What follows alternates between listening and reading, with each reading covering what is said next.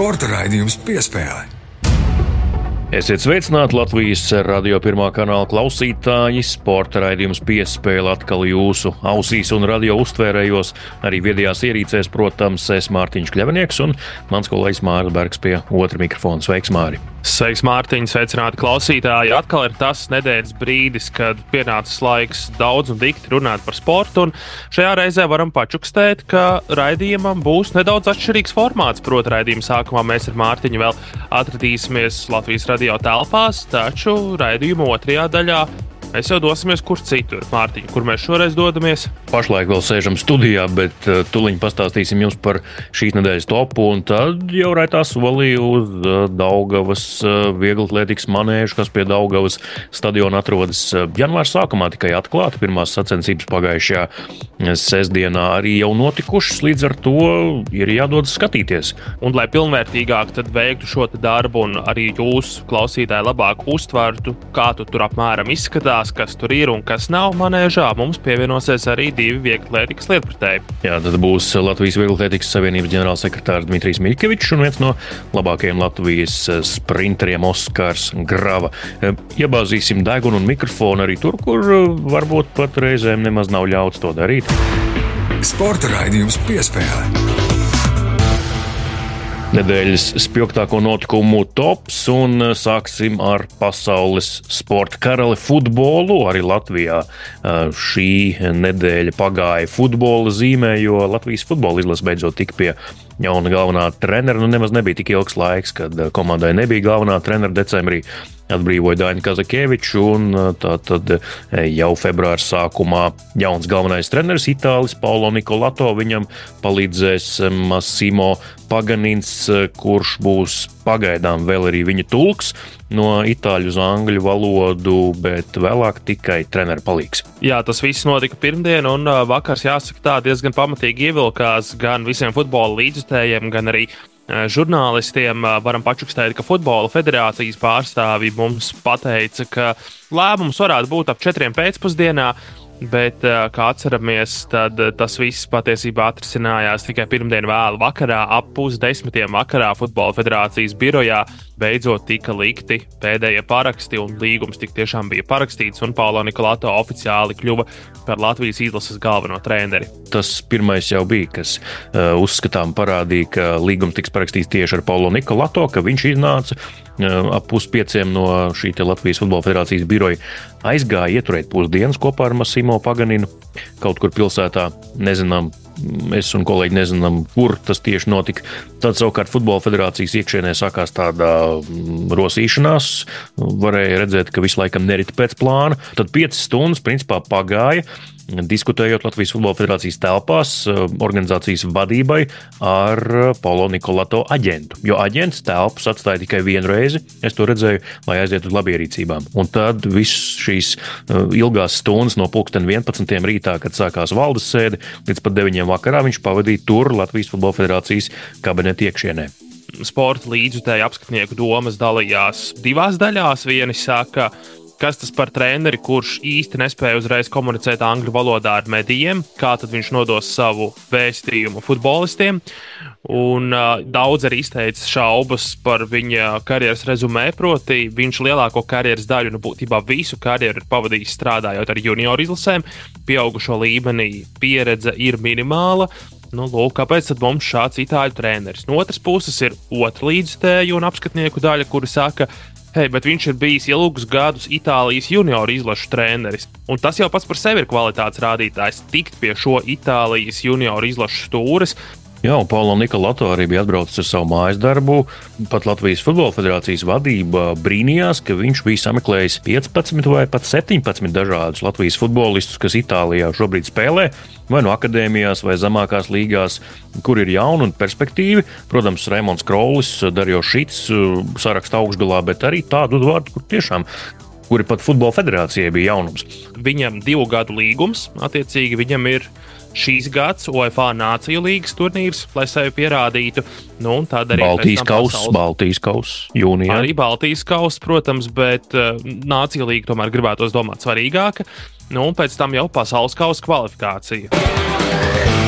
Un nedēļas topā nākamā pieturvieta Nacionālā basketbola asociācija maiņu darījumu lokus aizveras, un pirms eh, tā aizvēršanās, kad vēl tā mazā šķirbiņa ir palikusi, eh, pa kuru kā darījumu var izsprukt cauri, vienmēr tas ir tas interesantākais laiks. Atceramies, pirms diviem gadiem Kristapa Porziņa samainīja pret Dāvu Bērtānu. Mm, tur Dallas Mavericks un Vašingtonas Wizards komandas tika iesaistītas šajā darījumā, nogāza no krēsliem vai visu Latviju ar šādu darījumu abas šīs komandas. Nu, šogad netika pārsteidzoši, bet Dāvis Bartāns atkal mainīja darba vietu. Piektais NBA klubs viņa karjerā par to eh, kļuva Charlottes Hornets, kas nav tas labākais variants. Kā mēs uz to skatāmies? Tā, manuprāt, būtu pareizāk teikt, Oklahoma City standarta sastāvā viņš tomēr pie spēles laika diemžēl netika vai Dāvis neizturēja konkurenci, vai tas bija kāds komandas apzināts solis, nelaist viņu laukumā, censties taupīt naudu viņa līguma dēļ un tam līdzīgi. To mēs nezinām. Varbūt Dāvis kādreiz pats to izstāstīs. Nu, kas attiecas uz Šarloti, jā, cerības, ka viņš varētu spēlēt vairāk.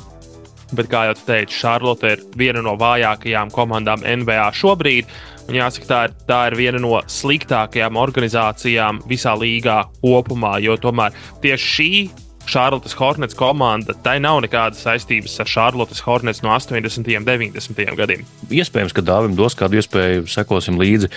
Cerams, ka viņa spēles laiks palielināsies. Dāvis būs gatavs Olimpiskajai kvalifikācijai jūlijā, jo sezona viņam beigsies aprīlī, varēs atpūsties.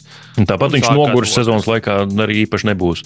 Nu jā, 15 spēles līdz šim vidēji 6 minūtes spēlē. Šķiet, nu, ļoti daudz viņš spēlējis nav šajā sezonā. Vairāk, diemžēl, ir sēdējis uz soliņa. Jā, nu, Kristaps Porziņš palika, kur bijis Bostonas Celtics komandā. Es domāju, par to neviens nešaubījās, ka tā arī būs.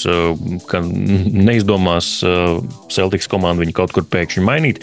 Līdz ar to šie divi latvieši joprojām uh, ir sarkanbalta, sarkanā karoga pārstāvi Nacionālajā basketbola asociācijā. Mēs liekam punktu šīs nedēļas topā otrajai pieturvietai un dodamies pie nākamās. Piespēle! Un nākamā pieturvieta arī basketbols. Basketbols Rīgā, Eirolandā pirmo reizi Rīgā, Eirolandas pamatturnīrs, jo 2009. gadā, septembra beigās, Arēnā Rīga bija spēle ar Eirolandes um, zīmolu, sauksim to tā, jo Vēnspils komanda, kas nevarēja spēlēt savā Olimpiskajā centrā, jo tas neatbild prasībām, Arēnā Rīga cīnījās par vietu Eirolandā, tā sauktajā kvalifikācijā pret Trevizo Benetonu. Zaudēja pamatīgi, bet nu, tā arī varētu teikt, ka bija mm, spēle ar Eirolandes zīmolu, bet pirmo reizi pamatturnīrs Eirolandā, tas ir spēcīgākais uh, klubu turnīrs Eiropā um, basketbolā, nu, un Stambuls Anadolu FS mainieku lomā pret Televīvas Makabī. Kādēļ šī spēle notika Rīgā? Gluži vienkārši tāpēc, ka abu valstu uh, valdības tā arī pateica, ka tur uh, Stambulā īsti nebūs droši Makabī komandai mm, šī brīža uh, reģiona kara apstākļos, un uh, arī Turcijas valdība rekomendēja, ka šo spēli jāpārceļ kaut kur citur. Nu, tad tika izvēlēta Rīga, laimīgā kārtas krīt uz Rīgu, un Rīga laikam jau nepievīla 7,5 tūkstošu skatītāju spēles ar komandām, kurā nevienā no tām nav neviena latvieša, ne treneru mm, korpusā, ne arī spēlētāju sastāvā. Es domāju, pietiekami cienījami. Tas, protams, būtu bijis papildus kairinātājs, ja mums šeit atbrauktu, piemēram, Boloģas virtus komanda vai tas pats Kauņu Žalgiris uzspēlētu Rīgā. Tad arēna noteikti būtu pilna, taču 7,5 tūkstoši cilvēku uz divām ārzemju basketbola komandām, augsta līmeņa komandām, kuras beig beigās arī nodemonstrēja tiešām skaistu un rezultātīvu basketbolu. Galīgi nav slikti, ļoti pat pieklājīgi. Stambulas komanda kā mainiec arī uzvarēja šajā spēlē. Par to viņi noteikti bija īpaši priecīgi, un arī komandas pārstāvi pēc tam mm, Latvijas medijiem pauda, ka arī ir pārsteigti, ka tiešām 7,5 tūkstoši sanāca. Nu, necerēti daudz, bet nu, tur droši vien arī par labu tam nospēlēja pietiekami draudzīgās biļešu cenas no 5 līdz 20 eiro, paskatīties Eirolandes basketbolu. Jā, no Kaunas žēlgerim, kas ir nu, 200-300 km attālumā, kā nu no kuras vietas Latvijā, arī biļetes varbūt nav ļoti dārgas, taču ir jābrauc uz Kaunu. Šeit basketbols ir tepat Rīgā, nu, pietiekami sasniedzama. spēli no teju jebkuras Latvijas vietas ir iespējams pietiekami ātri atbraukt un šo maču arī noskatīties. Un, uh, abas komandas traumu māktas šajā sezonā neietām tik labi kā cerēts, taču individuāli tur bija vairāk ļoti meistarīgi basketbolisti. Kaut vai Anadolu Efes līderis Šēns Lārkins. Atceramies, kā viņš spēlēja Turcijas izlases sastāvā pasaules kausa kvalifikācijā pret Latviju. Viens no neapšaubāmi labākajiem spēlētājiem Eirolandā un visā Eiropas klubu basketbolā šobrīd. Nākamā pieturvieta nedēļas eh, topā. Ziemas sporta karalis, varbūt tā mēs to varētu nodēvēt. Biatlons, eh, slēpošana un šaušana apvienot vienā sporta veidā, un eh, latviešiem ļoti labi tas izcens ir sanācis.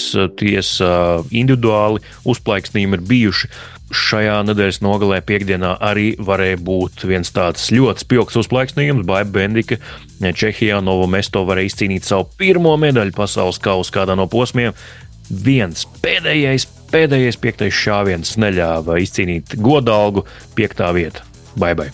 Es te mazliet palabošu, šis nav pasaules kausa posms, šis ir pasaules čempionāts. Un Baibai šis ir visspilgtākais uzplaiksnījums, kāds vispār ir bijis Latvijas sieviešu biatlona vēsturē, neatkarīgās Latvijas laikā.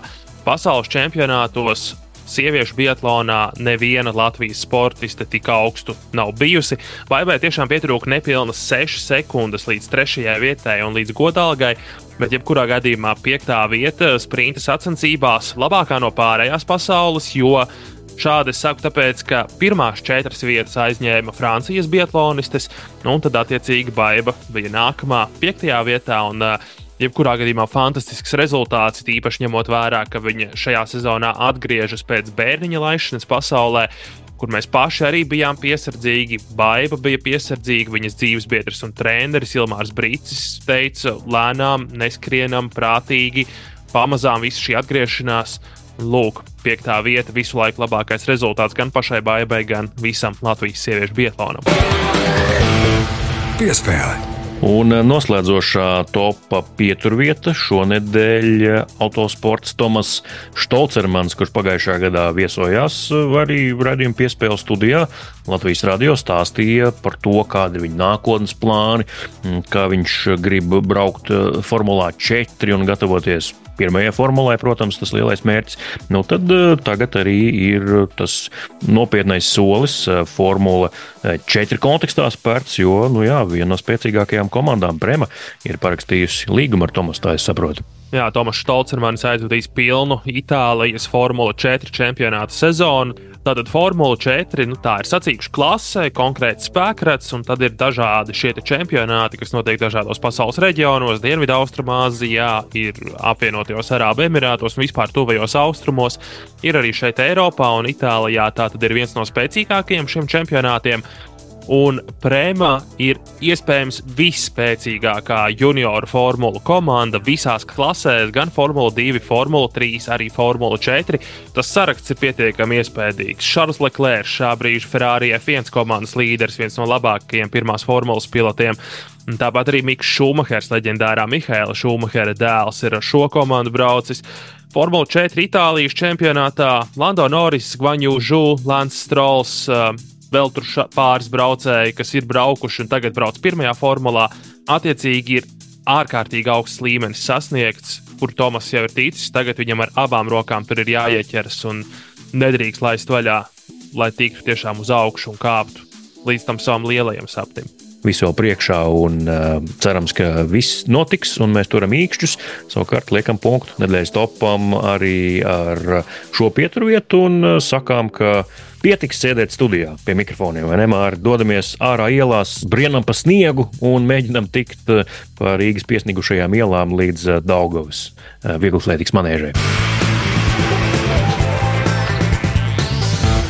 Lūk, esam izgājuši ārpus eh, maigajām Latvijas radio telpām un pa, eh, iespējams, ka dzirdat, iespējams, ka nē, bet pa gurkstošu Rīgas eh, ielās redzamu un jūtamu sniegu, tad arī dodamies uz Daugavas stadiona jauno vieglu atletikas manēžu, vai ne, Mārķi? Ko tur liekties pa netīrītām Rīgas ielām, pārvietojamies, bet jā, tuvojamies Daugavas stadiona manēžai. Dosimies ar to iepazīties, un mums būs arī uzreiz divi pavadoņi, kuri tad arī izrādīs šīs jaunās telpas Vieglatlētikas karalienei. Jā, mēs tikko pagājām garām. Droši vien esat redzējuši un zināt, kur ir tie lielie Daugavas stadiona vārti, kas ieved stadiona teritorijā. Bet te vēl drusku jāpaiet uz priekšu, un tad tikai varēs redzēt pirmkārt jau manēžu aprises aiz kuras ir arī Daugavas ledus halle un arī pats stadions turpat ir redzams. Bet tad, kad šis nelielais ceļa posms ir veikts no aptuveni nezinu, kādu metru 50, 100 aptuveni tajās robežās, tad jau rekur mūsu skatam arī pavērs eh, pietiekami tādas monolītas un, varētu teikt, futuristiskas, mūsdienīgas eh, kontūras manēžai. Jā, dizains varētu teikt, ir futuristisks, arhitektūra ir piestrādāta. Nu, šī Daugavas manēža, ja kādreiz uh, mēs varējām no ielas redzēt Daugavas stadionu, Daugavas stadiona tribīnus un arī nedaudz laukumu. Tad šobrīd manēža jau, varētu teikt, pilnībā aizklāja Daugavas stadionu no redzes loka. Bet šobrīd mēs, eh, starp citu, esam pagājuši zem bobsleja startēs nekādas. Es tā saprotu, laikam. Jā, tā izskatās. Arī tāds nu, metāla žoks. Jā, un tagad mēs, starp citu, ejam tieši zem lielajiem burtiem, kas vēstīja Daugavas vieglatlētikas manēžu vai Daugavas vieglatlētiku. Ko tā saka? Daugavas vieglatlētikas manēža. Jā, jā. jā. Tas ir liels uzraksts baltiem burtiem. Jā, bet mēs savukārt meklējam ieeju, nu, un tālumā tā jau ir redzama te, mm, starp citu, pa kreisi no mums tieši Daugavas stadions, par kur iepriekš runājām, un tieši priekšā Daugavas ledus hale, kur mitinās Latvijas Hokeja federācija, kas ir arī Latvijas hokeja izlašu bāze un mājvieta. Jā, nu te arī durvis, kas atvers mums kā sezams, un mēs redzam, lūk, ļoti patīkami. Jā, te arī pūš silto gaisu pie durvīm, uzraksts uz sienas apsargs. Nākamās durvis, kuras mēs arī varam atvērt, tas arī patīkami. Nu, nonākam, nonākam tādā priekštelpā, kur pagaidām klusums, administrācijas galdiņš, arī dīvāni, kur pasēdēt. Tāds uh, pietiekami košs noformējums, oranžās krāsas, sarkanā. Uh, Zeltenīgi arī šādi tādi toņi, bet jebkurā gadījumā. Bet smaržo kā jauns. Smaržo kā jauns. Jā, ja zināt, jauna autosmarža, tā ir viena no foršākajām smaržām, kāda var būt, tad šī ir arī ļoti tuvu tam jauna, jaunas ēkas marža. Jā, nu tātad esam ienākuši un uh, gaidām, uh, kad mūs šeit satiks arī Latvijas Vieglatlētikas Savienības uh, ģenerālsekretārs Dmitrijs Miļkevičs un arī viens no Latvijas labākajiem sprinteriem Oskars Grava. Tad nu, viņu pavadībā nu, iztaigāsim šo manēžu un uzzināsim, kas tas īsti ir par zvēru, kā saka tautā, un ko te var darīt. Kāds viņa atmiņas met? Bet tā jau telpa liela. -hmm. Logu nav, bet kādu vajag. Bet esam galamērķī, un manēža atrodas otrajā stāvā, kā arī Dmitrijs Miļkevičs, Latvijas Vieglatlētikas Savienības ģenerālsekretārs tikko sacīja ārpus ieraksta. Nu, tad esam uzgājuši arī otrajā stāvā, un tagad sēžamies, lai uz uh, ārā apaviem uzvilktu tā sauktās bahilas, lai gal galā nepiepēdotu jaunās manēžas segumu. Jā, sporta apelsnes līdzi.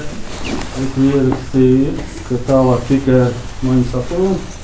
Tad mēs arī pirmajās sacensībās jau sapratām, ka te vajadzētu būt lielākiem šīm kontrolē.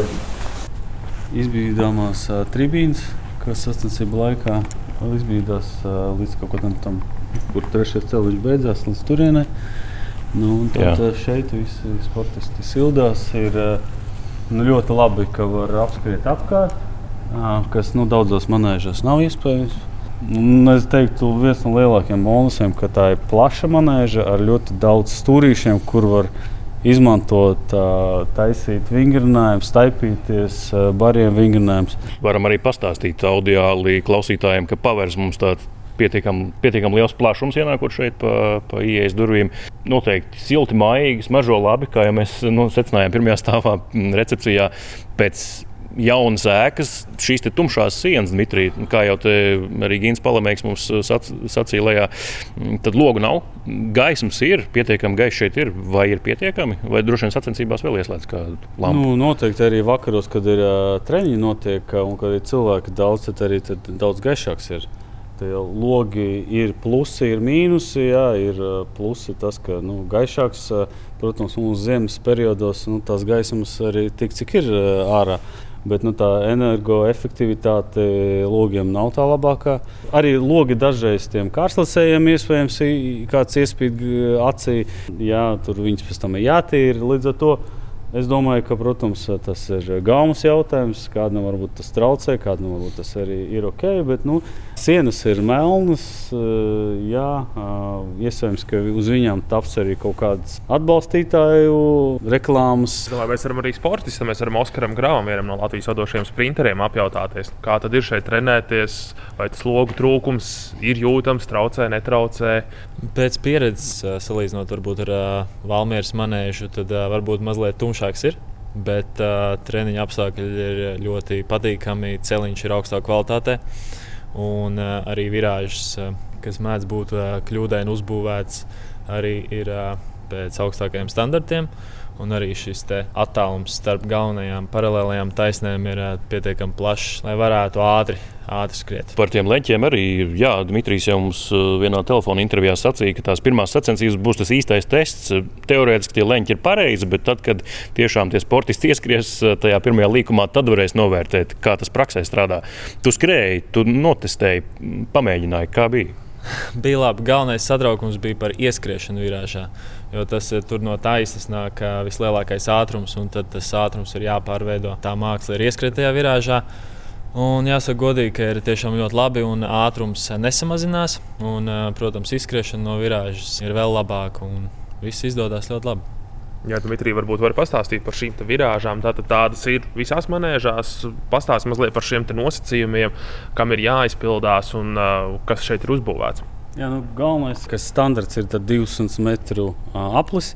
Un pēc tam ir tie saucamie leņķi, jau grādi, kādos ir jābūt uh, manēžai. Uh, nu, augstuma virāža, cik viņa ir uh, augsta vai zema. To visu principā nosaka standarti, bet ir nolīdz. Jā, cik ir metrs ir apmēram? Vairāk? Jā, jā, diezgan zems. Jūs salīdzinot piemēram, ar to pašu kuldīgu, viņš ir daudz augstāk tā virāža. Līdz ar to, ja sportistam nav tas ātrums liels, viņam ir grūti gan uzskriet, gan pēc tam vispār noturēties uz tās virāžas. Ogra ir manēža arī uzbūvēta arī labas virāžas, bet tur ir zemāks. Pieņas, ja tu skrien pa pirmo celiņu, iespējams, ka jo augstāks tas leņķis un tev ātrums ir zemāks, jo grūtāk skriet. Mm. Nu, tas, tas arī iepiņas, ja tu skrien kaut ko 3000 metrus un tev virāžā ieskrienot, nu, bišķiņ tev iegāž un ja tev ātrums nav liels. Bet nu, šeit es domāju, tāds ļoti labs variants ir labi gan gargabalniekiem, gan sprintam, tas, kā arī Oskars minēja, tas pirmais izmēģinājuma skrējiens šajā manēžā rezultējās eh, praktiski ar eh, Latvijas rekorda mēģinājumu. Jā, tur tikai viena simtaļa no Latvijas rekorda. Līdz ar to tas liecina par to, ka nu, pirmkārt jau viss ir pareizi. Tas, ka Oskars ir eh, jaudīgs čalis, un tas, ka arī tās virāžas nav, nav nekāda vaina viņam. Nu, mēs ar Māru, kā, es nezinu, varbūt Mārcis vairāk zina, bet es kā absolūts diletants par e, segumiem un vispār jau nu, oranžs tas ir ar baltām līnijām. Tas ir viss, ko es varu pateikt. Varbūt Dmitrijs var vairāk ieskicēt. Nu, kāds... Es arī neko nezinu, tāpēc droši vien ļausim vieglietīgas speciālistiem runāt, kas ir šis segums, cik tas ir ātrs ciets, mīksts. Jā, nu, droši vien mēs to varam strīdēties, vai tas ir oranžs vai tas ir sarkans. Atgādina tenisa kortu mālu segumu. To, jā. jā, tāds tenisīta jā, jā. tons. Sievietes mums droši vien labāk pateikt, kāds tas, tas tons ir. Viņam labāks tas acis. Bet, uh, Jā, kopumā tie segumi dalās eh, ļoti dažādās kategorijās. Šīs ir uh, sandviča tipa uh, celiņš, konīgs ražojums no Šveices, viena no augstākajām kvalitātēm, kas vispār pasaulē mums ir pieejama.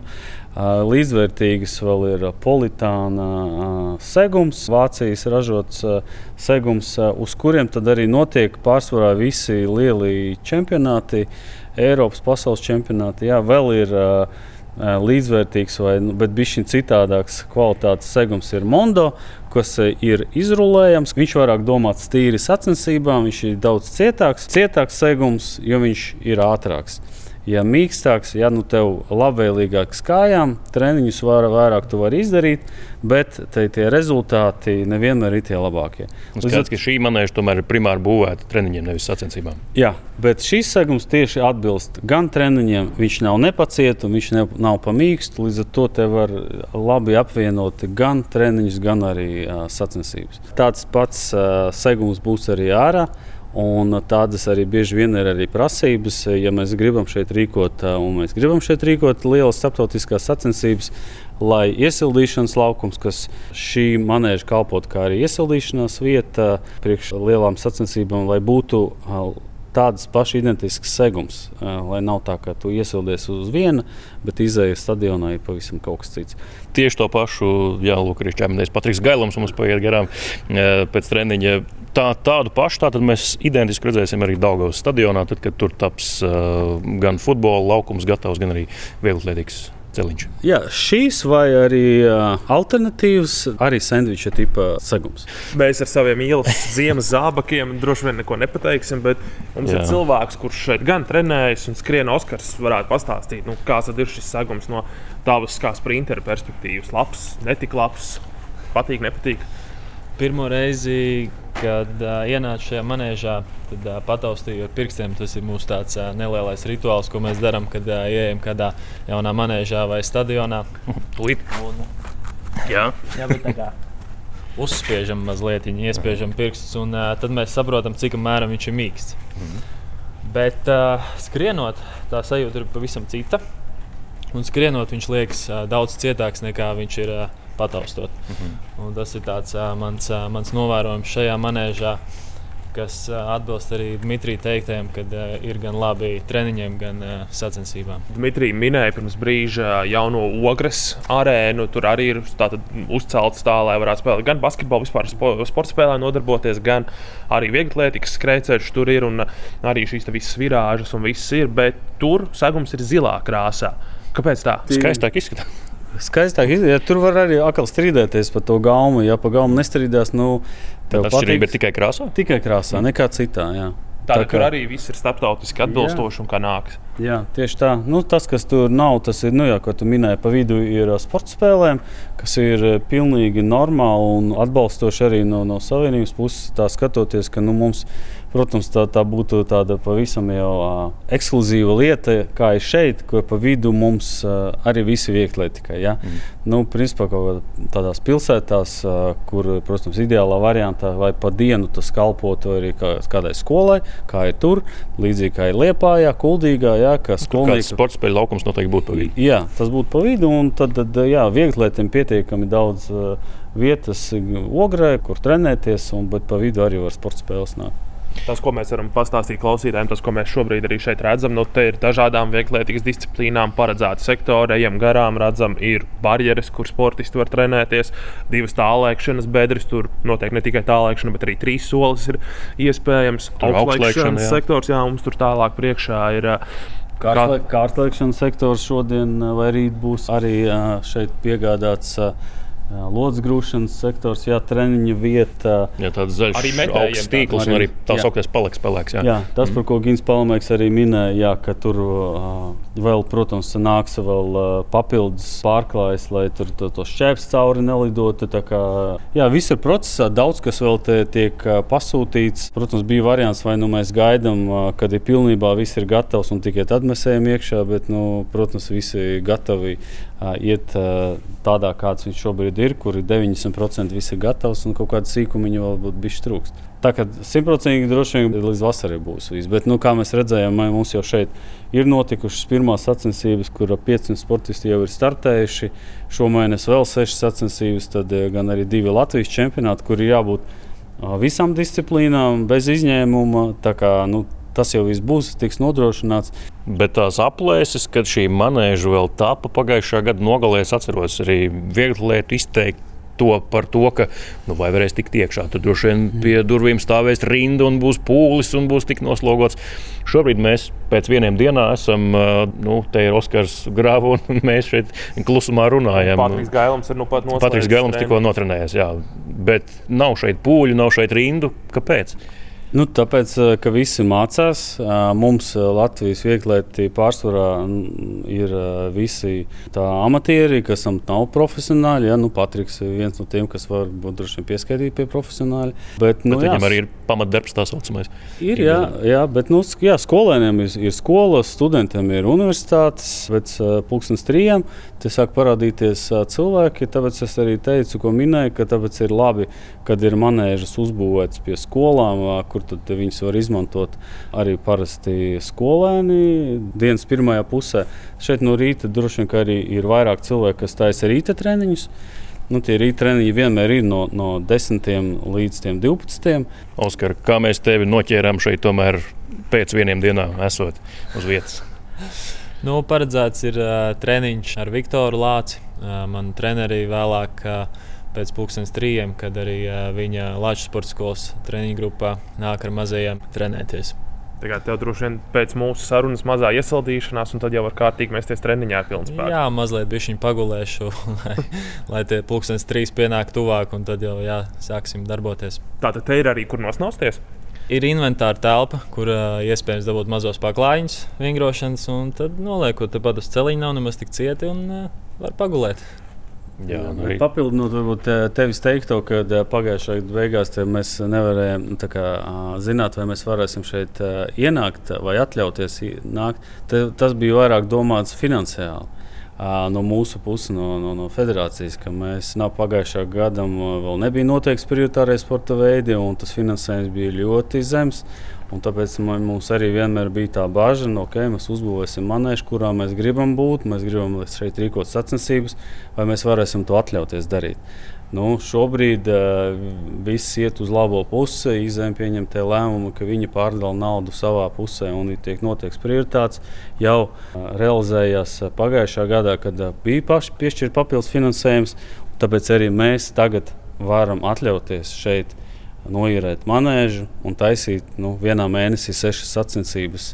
Tas patiesībā izklausās vienkārši neticami skumji, ka uzbūvējam manēžu, viss ir moderni un kā pienākas, bet varētu gadīties arī situācija, ka Vieglietīgas savienībai pietrūks finansējuma, lai īrētu un startētu, trenētos Vieglietīgas manēžā, kas pēc būtības ir būvēta priekš viņiem. Tā varēja notikt, bet es saku, ka viss to labo pusi, ka mums tas Latvijas finansēšanas modelis tiek uh, finalizēts, attīstīts. Tas, ka būs viena organizācija, kas to pārlīs, ļoti veicinās, es domāju, arī to, ka būs daudz godīgāk tā pārdale un tās lielās federācijas, kuriem ir lieli pienākumi un lielas atbildības un sacensības jāorganizē daudz. Būs arī pienācīgi atbalstīt. Nu, tas jau šobrīd notiek. Mēs, mēs šeit brīvi varam iet un ar augstu paceltu galvu rīkot sacensības. Jā, nu mēs, kā jau Mārcis iepriekš minēja, stāvam ar skatu pret uh, manēžu visplašākajā leņķī. Visu, ko mēs te redzam, Mārcis jau nosauca. Viņam vienu 200 metru aplīti uzskriet. Paskatīties, kā ir ar zābakiem. Skriet. Ar zābakiem un bahilām būs pagrūti, bet tā jau varētu. Pagriežoties otrādi, redzam jau Dmitrija tevis pieminētās tribīnes. Te ir tās izbīdāmās tribīnes, un augšā trešajā stāvā mums ir galvas arī fiksētās. Uh, cik te ir skatītāji un cik eh, sacensībās te vispār var satilpt šajā ēkā? Ja mēs trešajā stāvā, tur, kur te vairāk domāts, vairāk skatītājiem, tur, manuprāt, ir 400 uh, sēdvietas. No šeit izvēlkot, man liekas, vēl 1200. Tā kopumā jau kaut 1500 vietas šeit ir. Pirmās sacensības mums bija jā, pāri 500 dalībnieki, kas bija ļoti patīkami redzēt. Sen to ne, nebija piefiksējis, ka bija arī diezgan daudz skatītāju no malas, kas nebija arī tikai vecāki vai, vai, vai radi pilsētas iedzīvotāji. Tā sauktie neitrālie skatītāji. Jā, jā, tos varēja daudz vairāk pamanīt nekā kaut kur citur. Baltijas čempionātī ir tās sacensības, ko mēs šeit rīkosim. Nu, iespējams, ja kaut kādas starptautiskās sacensības, bet tās sadvietas ir pietiekami daudz, lai to visu nodrošinātu. Jo, nu, jo, ja gribam rīkot Eiropas vai pasaules čempionāta telpās, tas nekad nenotiek šādās stacionārajās manēžās. Tas tās vienmēr notiek uz lielajām arēnām, līdzīgi kā mūsu arēnā Rīga. Oskar, šī manēža Kuldīga, Liepāja, pieminētā Ogre, Valmiera. Vēl kaut kas māri? Jā, tas laikam nevienu. Prātā es gribēju teikt Valmiera. Jā, Valmiera, nu, diezgan daudz infrastruktūras tagad. Tev kā vieglas lietam droši vien, ja nu gluži ne medus maize, bet ārkārtīgi patīkami, ka šādi infrastruktūras objekti ir izveidoti. Jā, tieši tā. Un, uh, diezgan arī augstā kvalitātē, salīdzinot ar uh, Valmieru un uh, Liepāju. Uh, Pa visu Latviju mēs varam izvēlēties no trīs labākajām manēžām, kurām mēs trenējamies. Baltijas mērogā, cik tu zini, kurš šo varētu ierindot, kur mēs šobrīd stāvam? Nezināšu salīdzināt ar Baltijas manēžām. Dzirdēju, ka Tallinā esot visas trīs. bet cik nu, kvalitatīvs nemācīšu pateikt. Bet, protams, šo manēžu mēs varam ierindot vienā groziņā ar, ar Valmieru. Droši vien Dmitrijs vairāk zina par Tallinu. Ja? Jā, jā, es teikšu, ka Lietuvā nav principā labas manēžas. Nu, viņa droši vien labākā ir, ir Paņevežā, bet arī ļoti sen būvēta. Bet nu, tādas atbilstošas mūsdienu manēžas viņam nav.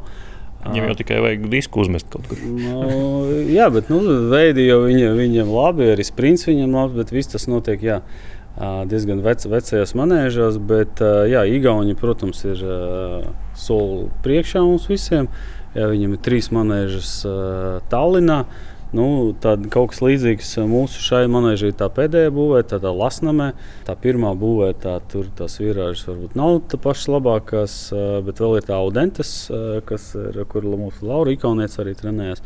Tā ir vairāk tāda arī tīri treniņa Es teiktu, ka šī mūsu tiešām piekritīšu Oskaram, ka ar Valmieru līdzvērtīga manēža un droši vien ar Igaunijas lasnēmē pēdējo būvēto manēžu. Kungi, paldies par šo stāstījumu.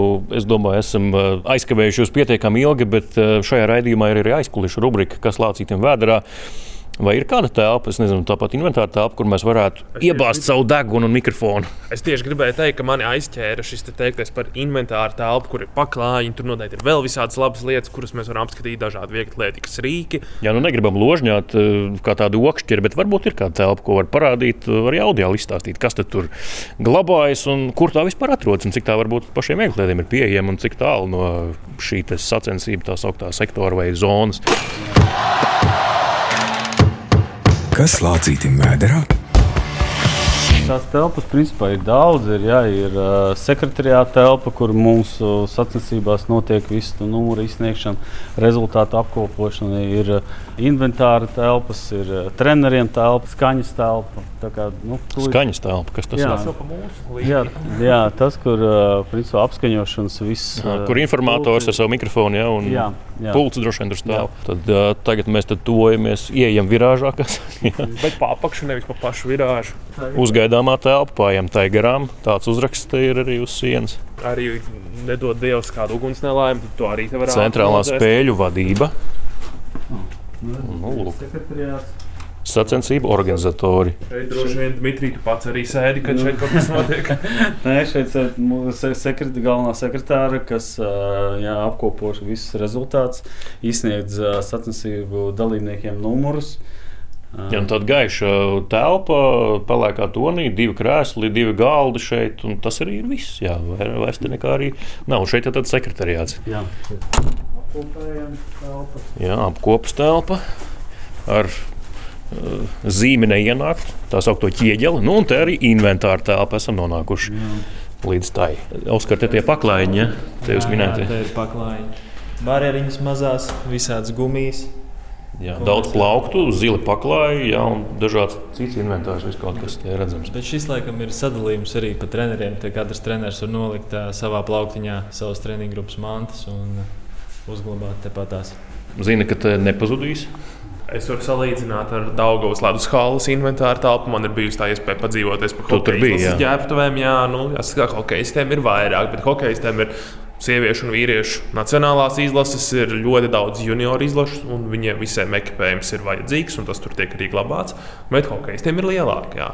Tad Dmitrijs glabāsies arī tas ekipējums, kas vēl ir ceļā, ko esat pasūtījuši. Ir kaut kādas, nu, nezinu, tādas kaut kādi inventāra elementi, ko šeit var glabāt, vai šis tikai apmeklētājiem, tad viņi noliek savu inventāru? Jā, šeit vairāk maza, mazais inventārs, jā, ar visām lodītēm, diskiem, barjeriņām, bet tas lielais inventārs jau šobrīd ir ceļā. Ir daudz, es saku, ļoti daudz noliktavu telpas, kas pārsvarā arī zina cilvēki būvējot māju, droši vien bieži aizmirst par to, ka mantas nav bieži vien kur glabāt. Un tad ir problēma. Bet šeit ir daudz tās noliktavu telpas arī, arī lielajām lietām. Arī apakšā, kur ir stāvvieta, ir, kur ārā var glabāt lietas, kas varbūt var paciest augstumu. Tur ir daudz nu, norobežotas, nožogotas teritorijas, kur var visu glabāt. Tā, starp citu, ir problēma arī arēnai Rīga, nu, ko nereiz vien ir uzsvēruši pasākumu rīkotāji, tieši lielo čempionātu mm, sacensību rīkotāji. Pārāk maz palīga telpu tādiem starptautiskiem pasākumiem, nu, vienkārši telpa ir par maz tajā halē. Jā, nu šeit arī, ja mēs tā runājam par manēžu, un ko varbūt vēl, mēs vēlē, vēlētos šeit, lai būtu. Un tas, kas mums arī tika varbūt, pēdējā brīdī nogriezts, bija tās mūsu savienības telpas kur mēs plānojam šeit pārvākties, kad būtu pabeigta manēža. Tad būtu piebūve tāda ja, neliela. Bet, nu, jā, zinām, Šobrīd jūsu birojas paliek stadionā. Nē, jā, stadionā, tribīnēs tas ir. Nu, nekāda vaina mums tur nav. Arī tur mums viss ir kārtībā. Nu, tas vienīgais, ja, kas tika tā, tā, tā optimizēts, lai saikonomētu, lai ierakstītos visu, visos uh, budžetos. Droši vien vēl viena vieta, kas ir ļoti svarīga, jebkurā sporta infrastruktūras objektā, tās ir ģērbtuves. Mēs varētu arī aiziet tās, apskatīties, cik tās ir lielas, plašas, mājīgas. Un droši vien Oskars kā sportists arī varētu pastāstīt, kā viņš tur jūtas. Uz ģērbtuvēm. Nu, lūk, šeit arī tie pieminētie logi, no kuriem dienas gaisma izlaužas. Manēžā, kur uh, dienas gaisma iespīd. Jā, un te arī tādas milzīgas sarkanas durvis, caur kurām mēs tūlīt iesim. Un tad arī pa trepēm kāpjam stāv zemāk. Šī ir multifunkcionālā vieglietīgas manēža ar iespēju pa vidu ieklāt tātad, sporta spēļu. Segumu, uz kuras tu vari spēlēt komandas sporta spēļu. Es pieņemu, ka floorbola, volejbola, varbūt arī handbola, lai gan handbolam tie standarti Eiropā ir konkrētam segumam, bet gan jau vietējos mačus pavisam mierīgi. Jā, droši vien kaut kas dzirdējis par handbolu, ka viņam viņi lieto to lipīgo smēri, kas jā, jā, sabojā, sabojā to, to segumu. Bet, jā, kad vieglieti šeit droši vien nedzīvos, tā būs, tie būs vasaras mēneši. Mēs pārsvarā esam stadionā, tad te laipni lūgti ir pārējie sporta veidi. Jā, nu tad kur tās ģērbtuves? Ejam uz ģērbtuvēm. Jā, nu esam nokāpuši pa trepēm lejā, atgriezušies pirmajā stāvā. Tepat arī tas foijē, kurā mēs visu sākām viens sportists jau ģērbs, bet kā Oskars arī sacīja, kāpjot lejā, ka šeit nav skāpīšu, bet ir soliņi un pakaramie, kas arī noteikti taupa vietu. Bet skāpīši savukārt ir šeit, eh, ko arī Dmitrijs rāda, kur māns var atstāt, kur durvis var aizslēgt. Eh, tas ir nu, jā, nevis atsevišķā ģērbtuves telpā, bet uh, publiskajā zonā. Laikam, jā. ir vēl kaut kas, Dmitrijs, šeit pieejams, nezinu, kaut kādas atjaunošanās metodas, augstās vannas, pirtis, saunas vai nekā tāda šeit nav. Ir, ir. Jā, ir, ir sauna. Es nezinu, vai viņa ikdienā katru dienu darbojas, vai tur ir jāpasūta, vai par to jāmaksā papildus. Tur tik dziļi es nezinu. Bet jā, ir kaut kāds mums arī paredzēts telpas, kur būs tā atjaunošanās, nu, vai iespējams tās vannas, protams, kuras šobrīd vēl nav. Uh, bet nu, ar laiku droši vien apdzīvosim. Nu. Sauna elektriskā vai ar malku, kā vecos labos laikos? Noteikti elektriskā. Nu, jā, malks kaudzes mēs šeit nākotnē nekur neredzējām. Līdz ar to paliksim pie tā. Paldies Dmitrijam Miļkevičam, Latvijas Vieglātīgas Savienības ģenerālsekretāram, arī Oskaram Gravam, vienam no Latvijas labākajiem sprinteriem. Kungi uz kādu citu sarunu, un, kā saka, lai eh, karaliene eh, skaisti tērpta un spēcīga rāda savu vaigu Latvijā un arī starptautiski. Jā, paldies! Nāciet ciemos!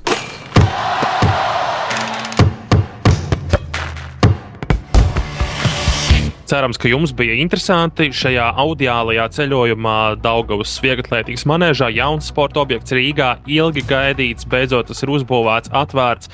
Paldies, ka klausījāties, un uz tikšanos jau pēc nedēļas, kad būsim atpakaļ ar jauniem tematiem un jaunām sarunām. Visu labu!